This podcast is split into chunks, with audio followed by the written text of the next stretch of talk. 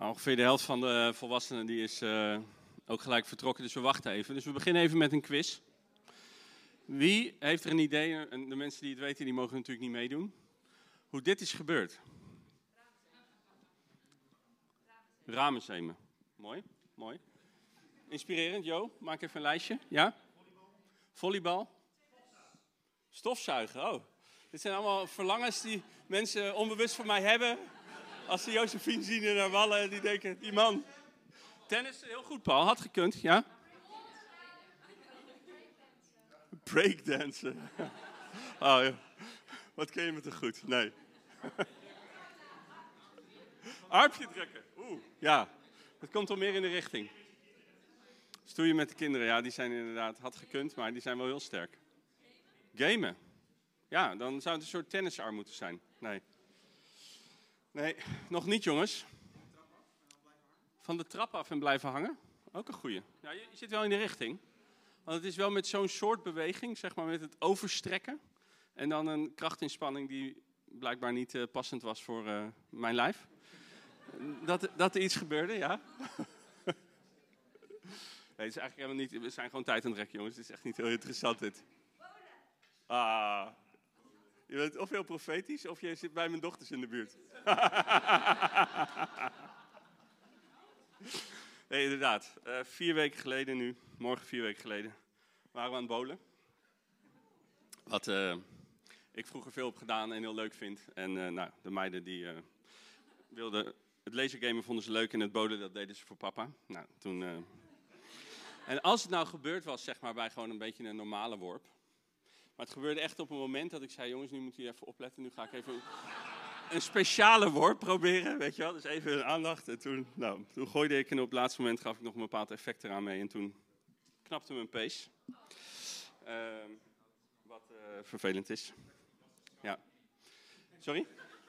Ja, ik, ik, ik, ik wist wat er gebeurde, zeg maar. Dus ik heb niet eens naar de bal... Uh, ik was gelijk... Uh, in een soort andere realiteit.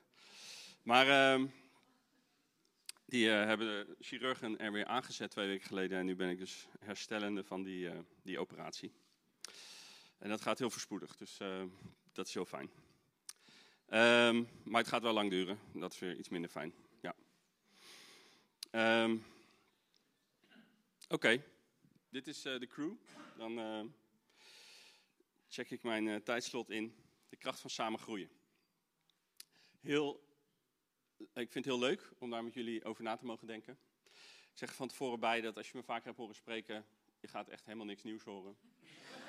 en als je al langer rondhobbelt, zeg maar, in de christelijke wereld en ook in de vineyard, je gaat echt niks nieuws horen. Geert heeft er gisteren over gesproken. Lucas heeft gisteren, vorige week zondag aandelen ervan geraakt. En waar dit denk ik iets meer een soort boodschap is die in mijn leven vorm krijgt uh, met vallen en opstaan, is het ook niet een thema waar ik over spreek. Dus ik ga gewoon proberen wat elementen die niet nieuw zijn onder elkaar te leggen. En ik hoop hè, dat als jullie harten openstaan en het lukt om het een beetje te verwoorden, dat de geest datgene wat voor nu is en dat de geest datgene wat voor jou is, uh, gebruikt. Ook al is het niet nieuw. Er is een, uh, een Afrikaanse gezegde wat ook wel vaker uh, geroepen is door deze en gene. When you want to go fast, go alone. When you want to go far, go together. En daar zit heel veel waarheid in. En dat komt natuurlijk uit een continent waar families en tribe en village nog het belangrijkste is wat ze kennen. Wat voor ons in het Westen absoluut niet zo is. En daarom is het denk ik extra belangrijk. En sommige dingen die ik ga zeggen, die heb ik niet in gebed ontvangen. Maar die leefde Jezus, die leefde hij voor en die leerde hij. En die zijn knijten profetisch voor het Westen, voor de dag waarin wij leven, voor de cultuur waarin wij staande proberen te blijven. En het getuigenis van zijn naam proberen vorm te geven.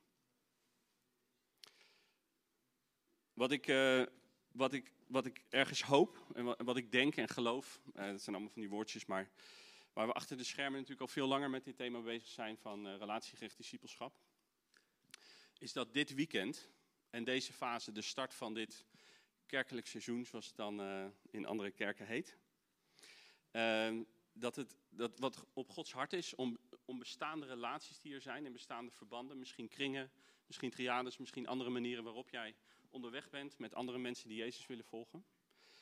dat God die verder wil vernieuwen. En ik zal vandaag wat elementen delen over bijbelse gemeenschap. Die hopelijk inspireren om te reflecteren op die verbanden waarin je zit, als je dat zit. Dus God wil vernieuwen en God wil ook nieuwe dingen geven. Hij wil mensen aan elkaar gaan verbinden, misschien zelfs dit weekend, die met elkaar onderweg mogen gaan. Die dit gewoon mogen gaan ontdekken. Beginnend bij een eerste kleine stap, maar wel toegroeiend naar dat ideaal wat voor Jezus zijn normaal was. Wat hij leefde, waar hij zijn vrienden in uitnodigde. En waar ze samen in optrokken. En wat zij daarna zijn gaan vermenigvuldigen in datgene wat wij dan de eerste gemeente zijn gaan doen. Ik wil je vragen om even na te denken. Als het thema wat ik meegekregen heb voor vanochtend de kracht van samen groeien is. Denk eens na aan een relatie of een voorbeeld, een moment in jouw leven waarin jij dat hebt ervaren. De kracht van samen versus hè, in je eentje. En groei gaat dan over ehm, meer op Jezus gaan lijken. Dus, en misschien gaat je voorbeeld alleen over de kracht van samen, prachtig. Misschien heb je ook een voorbeeld waarin je dacht, hey, die, dat samen, dat heeft mij echt geholpen om Jezus meer centraal te zetten. Of dat heeft echt meer ruimte gemaakt voor Jezus om mij van binnenuit aan te raken of te vernieuwen of te confronteren, wat het dan ook is. Dus denk even voor jezelf na of, of die relaties er op dit moment zijn of aan voorbeelden uit het verleden waarin je dat hebt mogen ervaren. Ik hoop eigenlijk dat je denkt aan momenten van de afgelopen week. Misschien van de afgelopen maand. Dat je denkt aan mensen met wie je nu onderweg bent. En niet in een toevallige ontmoeting, hè, zoals je bijzonder een gebedsmoment kan hebben op een conferentie met vreemden. Wat natuurlijk een vorm van samen is waarin God iets bijzonders doet. Maar dat het gaat over bestaande relaties waarin je leeft, waarin je leven deelt, waarin je gekend wordt, waarin ruimte is om echt te zijn. Maar misschien ook wel niet. Misschien ben jij wel net als ik uh, op een bepaalde manier een kind van deze cultuur. Ben je beïnvloed door het zelf doen, door de drukte die het lastig maakt om echt in verbinding met mensen te leven. Door iets van vrees, om jezelf op een dieper niveau te laten kennen, waardoor de ontmoeting er wel is en de tijd er misschien wel is met mensen. En zelfs wel in een christelijke setting, waarin ook christelijke dingen gebeuren. Maar dat de echte diepte die God voor ogen heeft en die je hart ook nodig heeft, die jij hard nodig hebt. Dat die er niet is in die relaties. Ik weet het niet. Ik spreek over een onderwerp waarvan ik weet dat het ook pijn kan oproepen, dat het teleurstelling met zich mee kan brengen, omdat die relaties er waren, maar niet meer zijn. Of dat in die relaties dingen gebeurd zijn waardoor je je niet gezien hebt gevoeld, of nog erger, gemanipuleerd. Of op andere manieren, zeg maar, dat in die vertrouwdheid, waar Jezus voor gestorven is, die hij mogelijk gemaakt heeft tussen zijn volgelingen, waar we één zijn in de geest, zegt hij, dat het gewoon niet lekker werkt. Dus ik ben me daarvan bewust, ook al sta ik daar vanochtend verder niet bij stil. Maar ik hoop dat je met me mee wil kijken naar het Bijbelse ideaal en naar het voorbeeld van Jezus. En dat eigenlijk datgene wat hij op een hele echte manier, heel hoopvol, voorleeft en ook mogelijk maakt, dat we ons daar opnieuw naar uit mogen strekken. En dat zeg ik omdat het woord community, hè, wat, dan even de, de vergaarbak zou kunnen zijn van samen komen, samen groeien. Het woord gemeenschap is zo uitgekleed ten opzichte van het Bijbelse ideaal. Ten opzichte van Jezus normaal. Tegenwoordig zijn we allemaal deel van online communities. Je bent deel van, weet je, alles, alles heet community. Maar echte community dat gaat over een paar essentiële dingen. En ik hoop dat dat vanochtend opnieuw wat duidelijker mag worden. Als je gaat kijken naar de Bijbel, en ik, wat ik gedaan heb is uh, weer even teruggaan naar een woordstudie die ik in het verleden wel vaker gedaan heb. In de MBG-vertaling moet je dan het, het, zoekwoord elkander intoetsen. In de MBV-vertaling het woord elkaar. Maar dan krijg je eigenlijk alle woorden in de Bijbel, in zo'n Bijbel-app, die gaan over elkaar. Nou, daar zitten er heel veel bij, die, die, dat, dan is het gewoon een woordje in een verhaal of een zin. Maar zodra je in het Nieuwe Testament terechtkomt, en je komt in de evangelie en in het bijzonder in de brieven, die als een instructie geschreven zijn van hoe wij als gemeenschap van gelovigen mogen leven met elkaar en voor elkaar en voor de mensen om ons heen, dan kom je heel veel van die elkander-teksten tegen, van die elkaar-teksten, die inhoud geven aan datgene wat er in Gods hart is, wat Hij bedacht heeft. En dan zie je eigenlijk dat als je dat uit elkaar zou trekken, dat dat een soort van twee richtingen krijgt. Enerzijds heb je de teksten die gaan over het, het liefhebben van elkaar, het helpen van elkaar, het gericht zijn op de ander, het zorgen voor elkaar. Ehm, dus ja, ik noem het al, er staan er, ik, ik heb het even, even er een lijstje van gemaakt, niet, uh, er staat niet alles op, maar help elkaar, steun elkaar, zorg voor elkaar, verdraag elkaar, bid voor elkaar, deel je spullen met elkaar, houd van elkaar, maak je eigen verlangens ondergeschikt aan de verlangens van de ander, luister naar elkaar, acht elkaar hoog, praat positief over elkaar. Er staat eigenlijk, spreek geen kwaad over elkaar, maar, maar ja, praat positief over elkaar, dien elkaar, wees gastvrij voor elkaar. En kan wel even doorgaan. Een gemeenschap, als je daar deel van zou zijn en de mensen met wie je optrekt, die, die, die, die zijn dit allemaal voor jou. Waar je denk ik graag bent. Waar het veilig is, waar je kan ontspannen, waar je welkom bent. Het woord wat, wat hier voor mij bij hoort, is dat we geroepen zijn om een naaste te zijn voor elkaar.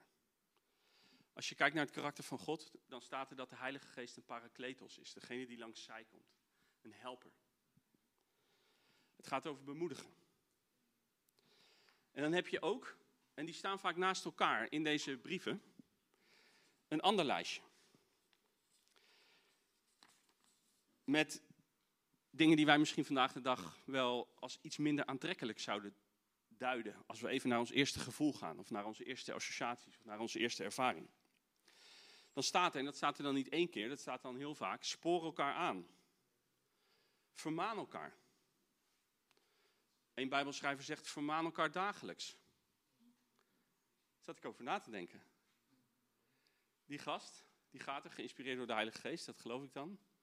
Vanuit dat ik het nodig heb om dagelijks vermaand te worden. denk ik, nou, nou, als je het Josephine zou vragen, zegt ze ja hoor. dat klopt wel. Misschien in mijn geval, uh, vermaan elkaar elke, elke uur, weet je. Die broederschap heb ik nodig. Vermaan elkaar. Bouw elkaar op. Geef acht op elkaar. Let op elkaar. He, dus Geert had het over, als jij een leerling bent, dan ben je opmerkzaam, zeg maar. Om de, de, signalen van de Heer, zeg maar, in je leven te gaan opmerken als je hem wil volgen. En niet je eigen ding wil uitleven en je eigen gedachten en je eigen gevoelens. De Bijbelschrijver zegt, let op elkaar, geef acht op elkaar. Beleid elkaar uw zonde. Zijn er meer. Dat zijn er wat meer uitdagende dingen die helemaal verweven zijn met al die hele positieve dingen. Van dien, luister, help, steun, bid. Misschien zou je kunnen zeggen, we zijn geroepen om een tegenover te zijn voor elkaar. Dat is het woord wat dan bij mij, we zijn geroepen om een naaste te zijn voor elkaar. Maar we zijn ook geroepen om tegenover te zijn voor elkaar.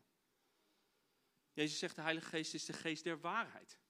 Die je leidt in de volle waarheid. Waarmee die impliceert, wat voor hen niet een confrontatie was, dat ik gebrek heb aan waarheid.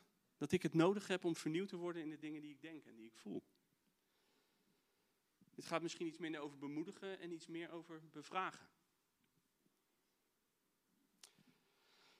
Nu jongens, vertel je geen nieuwe dingen, maar ik zat hier, het voordeel van spreken is dat je er dan weer even helemaal doorheen mag gaan en denk je, waarom staan er zoveel van dit soort elkander teksten, elkaar teksten in het Nieuwe Testament? Die eigenlijk de principes zijn het onderwijs wat we kunnen lezen in het leven van Jezus. In hoe hij onderweg was met mensen. En hoe hij hen vroeg om deel te worden van zijn leven.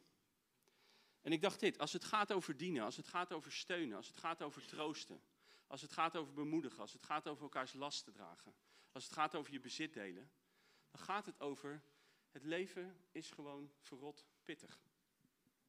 Hè? Matthäus 7, die stormen, die komen dat red je gewoon niet alleen. En God weet dat en daarom zegt hij, help elkaar.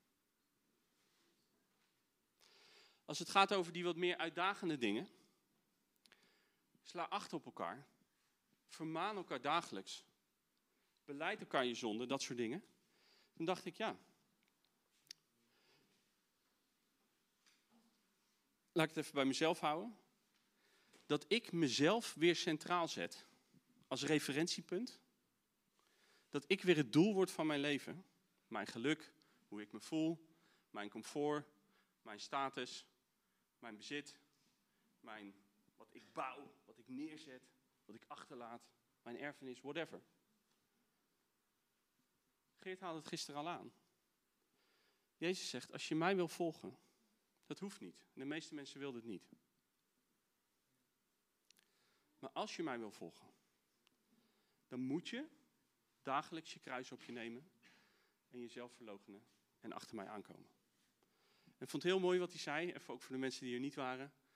Jezelf verloochenen, dat is kiezen en steeds opnieuw kiezen. Leren om een leven te leven waarin je kiest om niet te doen wat je wel wil. Om die verlangens en die gevoelens en die gedachten en die dromen, die niet passen in het grotere plan van God. Of die niet heilzaam zijn voor een ander, omdat ze te veel over jou draaien. Om die los te laten en te zeggen, Jezus, niet mijn wil, maar uw wil geschieden. Niet doen wat je wel wil. Je kruis opnemen is precies andersom. Dat is wel doen wat je niet wil. Ik heb dit lijstje nodig. Ik heb mensen om me heen nodig die dit voor mij zijn. En Josephine is daarin de eerste gegevene. Mijn hulp tegenover. Maar ook broeders. Omdat anders in mijn leven en in mijn hart en in de dingen waar ik over nadenk en waar ik uiteindelijk het meeste van mijn tijd en van mijn energie en van mijn geld in investeer, het weer gaat draaien om mij. En wat de Engelsen zeiden, sin is I in the middle. Dat is zo centraal. S-I-N. I in the middle. Sin, zonde, is I in the middle. Jezus zegt, als je mij wil volgen, verloog jezelf, neem dagelijks je kruis op. Oké. Als we dan naar het, het leven van Jezus gaan, daar wil ik graag nog met jullie naar kijken om een paar kenmerken te highlighten. En dan is het ook alweer klaar. Dan is echt lastig als ik niet. Oké, het gaat goed. We gaan, ik lees even kort vanuit Matthäus 4. Um, vanaf vers 18. Toen Jezus langs het meer liep, zag hij twee broers. Simon, die Petrus genoemd wordt, en zijn broer Andreas. Ze wierpen hun net uit in het meer, het waren vissers. Hij zei tegen hen, kom, volg mij. Ik zal jullie vissers van mensen maken. Vers 19. Hij zei tegen hen: Kom, volg mij. Ik zal jullie. Super bekend vers. Dit is zo diep.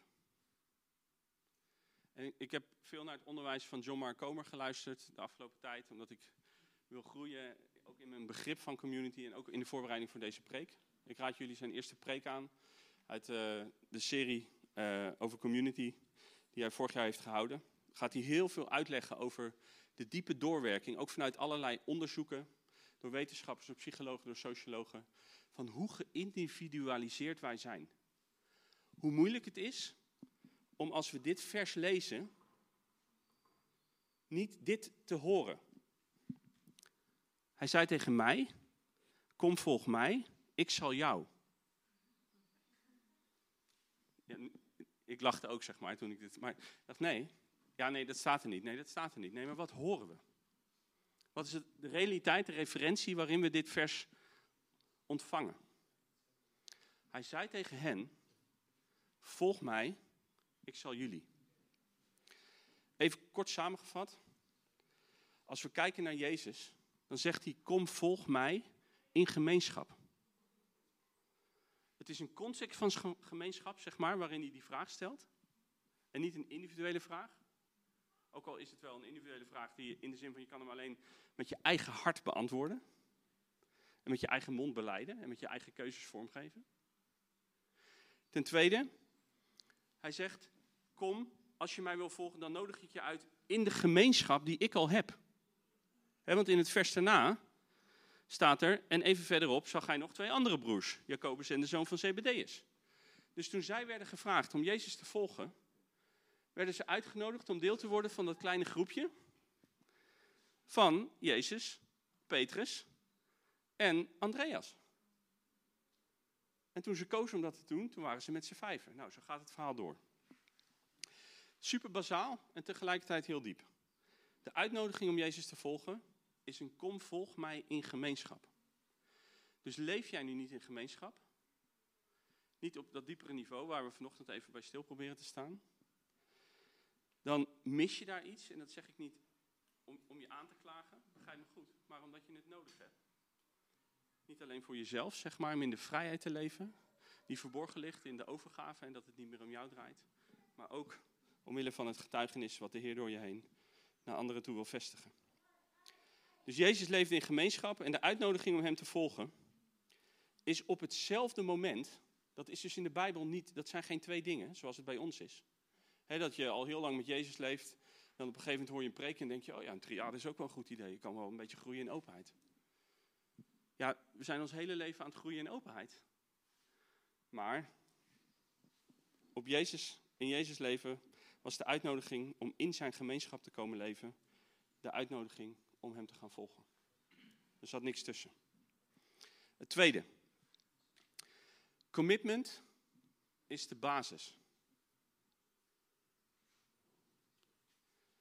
De eerste keuze, die als we gewoon de evangelie gaan lezen, Jezus voorlegt aan mensen, verbonden aan deze uitnodiging van kom dichter bij mij, ga mij volgen, samen met de mensen die dat al doen, was commitment. Als je een paar hoofdstukken doorbladert, als je meeleest in hoofdstuk 8, dan lees je daar vanaf vers 20 het volgende. Of vanaf vers 18, sorry. Toen Jezus de mensen, mensenmassa om zich heen zag, gaf hij bevel naar de overkant te varen. Maar een schriftgeleerde kwam op hem af en zei: Meester, ik zal u volgen waarheen u ook gaat. Jezus zei tegen hem: De vossen hebben holen en de vogels hebben nesten, maar de mensenzoon kan zijn hoofd nergens te rusten leggen. Met andere woorden, wil je dat echt? Want als je mij gaat volgen, dan gaat het je wat kosten. Dus ik het even plat, omwille van de tijd. Een ander, een van zijn leerlingen zei: Heer, sta me toe eerst terug te gaan om mijn vader te begraven. Maar Jezus zei tegen hem: Volg mij en laat de doden hun doden begraven. Nou, pas toen ik een Bijbelcommentaar zeg maar, hierover las, of iemand hierover hoorde spreken, begreep ik voor het eerst dat het niet zo is dat zijn vader dood bij hem thuis lag. En dat hij zei: Je mag hem niet in de grond stoppen. Je moet nu met mij meegaan. Die commentator die zei: Deze man, die zegt eigenlijk: Heer, laat me wachten tot mijn vader is overleden en ik mijn deel van de erfenis heb gekregen zodat ik met datgene waar ik recht op heb, en wat me ook gaat helpen in de dingen die ik belangrijk vind, u kan gaan volgen. En Jezus zegt nee. Als je dat niet wil loslaten, en dat is voor deze man op dat moment, zeg maar, die eerste keuze, dan kan je mij niet volgen. En zo zie je in het, ik bedoel, omwille van de tijd zijn veel meer voorbeelden. Maar de vraag die Jezus neerlegt om mee te doen, om mee te bewegen, letterlijk. Hij liep natuurlijk rond. Het was niet een soort podcast, je kon in een stoel blijven zitten en af en toe wat van zijn onderwijs luisteren. Als je hem wilde volgen, dan moest je gewoon achter hem aanhobbelen. Die was intrinsiek verbonden met de vraag: wil je loslaten wat je nu belangrijk vindt? Wat natuurlijk ook de kern is van het onderwijs, wat hij dan later gaat geven. Dus commitment is fundamenteel aan het volgen, maar ook aan de gemeenschap van gelovigen die de Heer wil vorm, vormgeven. Oké, laatste blaadje.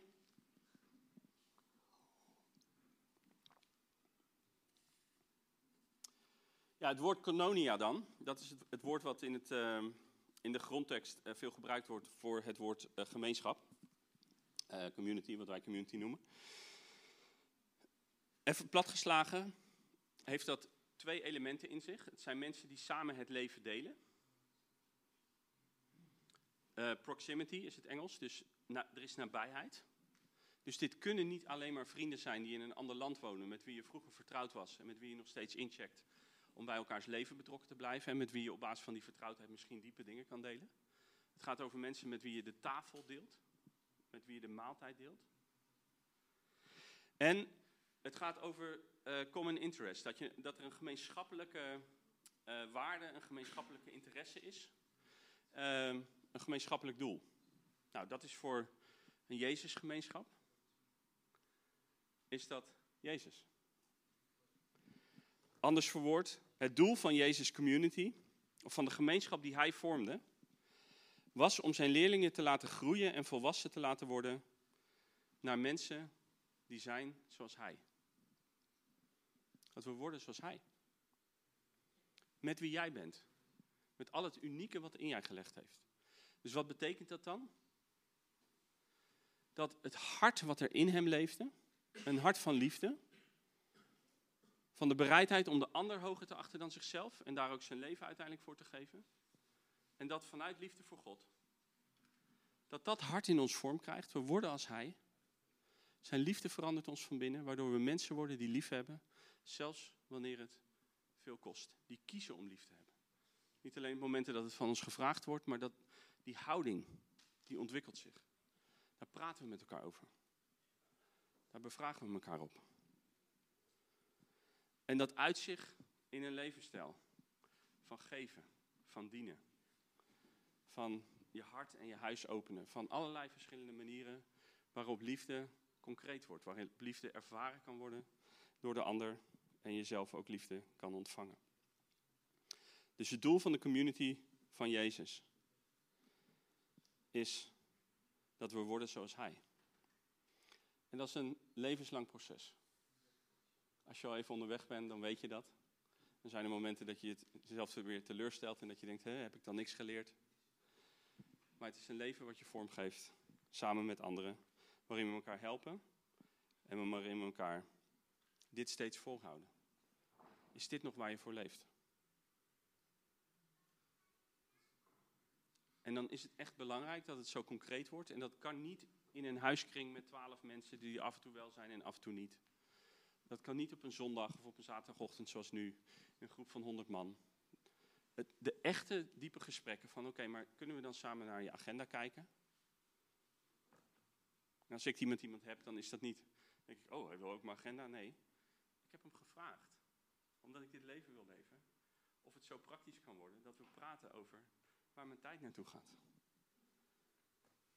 Dat we praten over waar mijn geld naartoe gaat. Welke relaties ik prioriteer. En opnieuw, praat met Josephine tijdens de koffie. Ik heb nog ontzettend veel te leren. En ik spreek vanuit het Bijbelse voorbeeld van Jezus, wat echt mijn ideaal is en waar ik mijn leven aan heb toegewijd. En omdat ik het verlang, heb ik het zo hard nodig dat er mensen zijn met wie ik deze gesprekken voer. Dat er mensen zijn met wie ik deze gebeden bid. Oké, twee kenmerken en dan is het klaar. Er zijn er, zijn er veel meer. En dan leun ik opnieuw aan tegen het onderwijs van, uh, van John Mark Comer. Omdat ik vind dat hij het heel mooi verwoordt. En tegelijkertijd verwoordt hij niks nieuws. Want datgene wat ik nu zeg... Joram heeft geen printer. En die geeft straks een workshop over triades. Dus hij vroeg mij of ik het wilde printen. En ik las zijn aantekeningen. Die voor een deel ook helemaal niet van hemzelf zijn. Nee. Die heeft hij weer van, uh, van de, de triades sway. En die heeft Vineyard weer van navigators en die heeft navigators weer van anderen. Ik bedoel, laten we reëel zijn. Als het goed is, dan bestond het al. Want het gaat over eeuwige principes. En toen kwam ik deze dingen tegen. Dus het is niet zomaar even een preekje. Ik geloof hier heel diep in en je ziet het in het leven van Jezus. Hij zegt twee dingen. Als we gaan kijken naar dit leven, als we gaan kijken naar deze groep van volgelingen, een seloot, een, een, een, een fanatiekeling, een rebel, zeg maar, een, een belastinginner, uh, vissers. Die, die groep die Jezus in eerste instantie om zich heen verzamelde, die zo divers was, dan was dat een groep die vol was van conflict. Die elkaar qua sociale laag in de maatschappij en qua ideologie, en je had geen slechtere groep bij elkaar kunnen plaatsen. Maar dit zijn de mannen, of de jongens eigenlijk, zijn het, die gezegd hebben op deze call, deze uitnodiging, kom en volg mij in gemeenschap.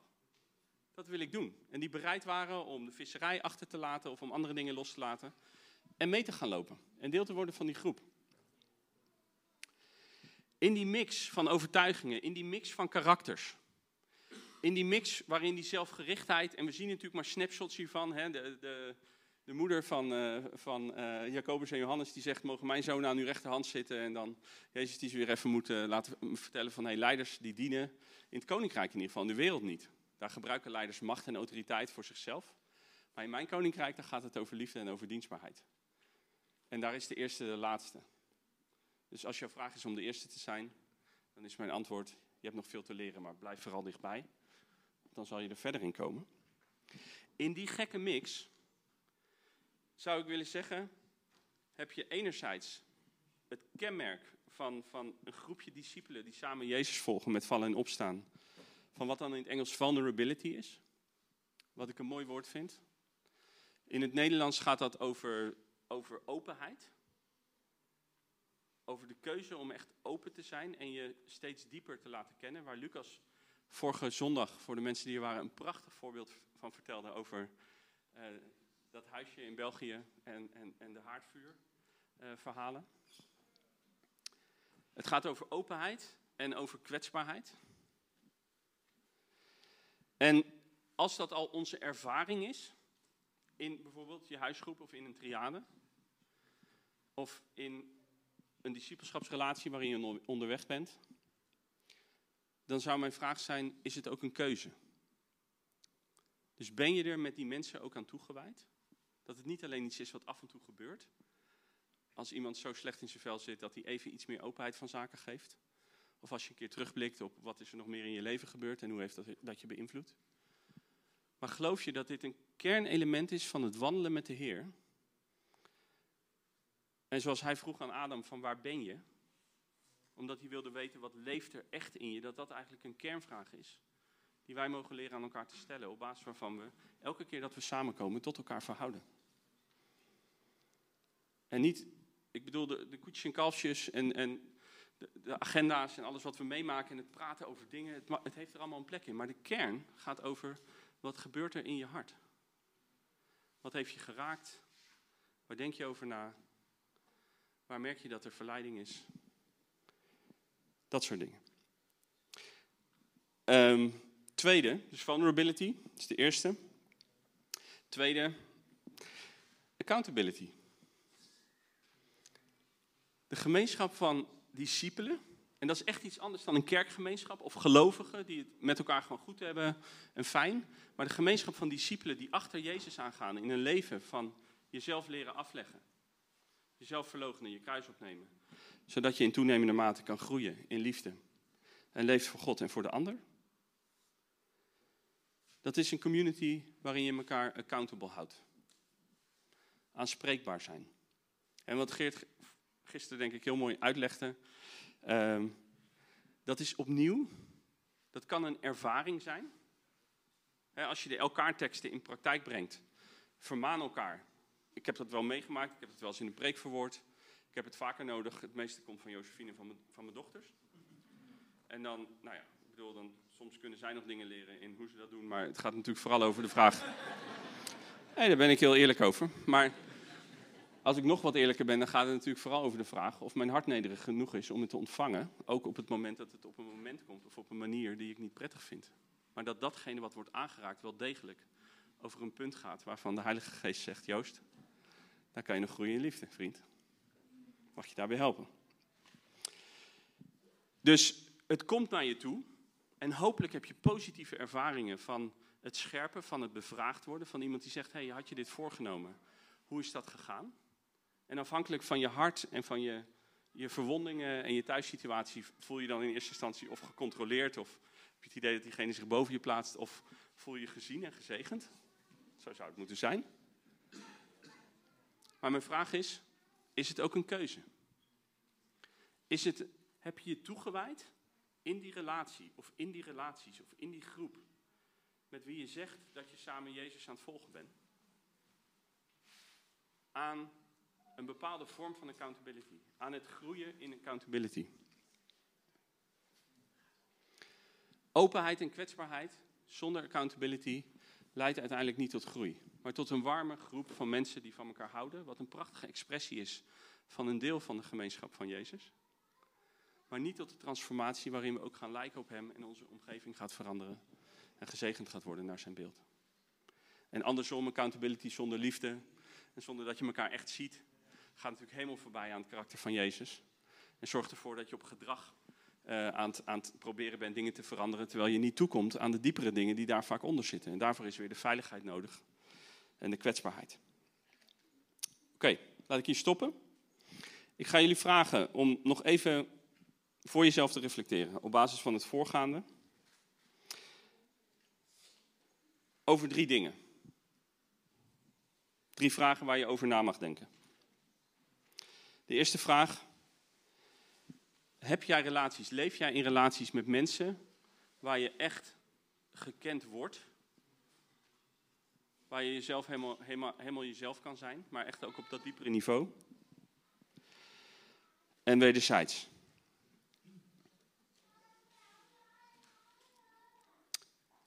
Twee. Is het doel van die groep of van die relaties, en dat hoeft natuurlijk niet in elke relatie, maar van die relaties waarvan je gelooft dat God jou die wil geven en dat jij die ook mag, ja, mag beetpakken, om te blijven groeien in relatie met Hem. Dus is het doel van die groep of van die relaties om Jezus in alles te leren volgen en steeds meer op Hem te gaan lijken. En ten derde, is er een openlijke commitment aan elkaar in die relaties. En ook al is dat maar voor een seizoen. Maar als er geen commitment is in de verbinding en er is geen commitment aan bepaalde kernelementen van de gemeenschap die Jezus voorleefde en die de briefschrijvers in het Nieuwe Testament gingen proberen uit te leggen aan de gemeenschappen die gingen ontstaan, dat noemen we de eerste kerken, dan is de ervaring, denk ik, als je reflecteert op je eigen leven, dat het er vanaf beweegt. Want dit is zo tegencultureel en dit gaat zo recht tegen je eigen vlees in, hè, wat zo'n raar Bijbels woord is, zeg maar, in het Nieuwe Testament. Tegen je oude natuur, die elke keer weer de kop op wil steken. Dat het niet voldoende is om het af en toe te ervaren. We moeten ervoor kiezen. En dat moeten we in gesprek met elkaar ook afspreken. Zoals een huwelijk.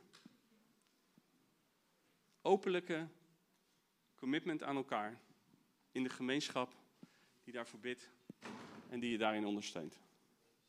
Oké, laat ik hier stoppen. Drie vragen, twee minuten stilte.